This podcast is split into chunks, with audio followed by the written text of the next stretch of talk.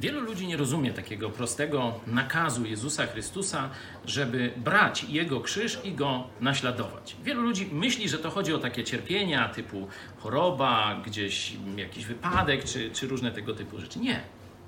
Krzyż to jest symbol hańby. To jest przyjęcie losu przestępcy w społeczeństwie. I druga rzecz to jest hańba ze względu na naśladowanie Chrystusa czyli na mówienie prawdy o darmowym zbawieniu i wzywaniu do posłuszeństwa Jego słowu. Warto pamiętać, że dzisiaj to jest nadal aktualne, szczególnie w państwach dyktatury katolicko-nacjonalistycznej, jakim jest Polska.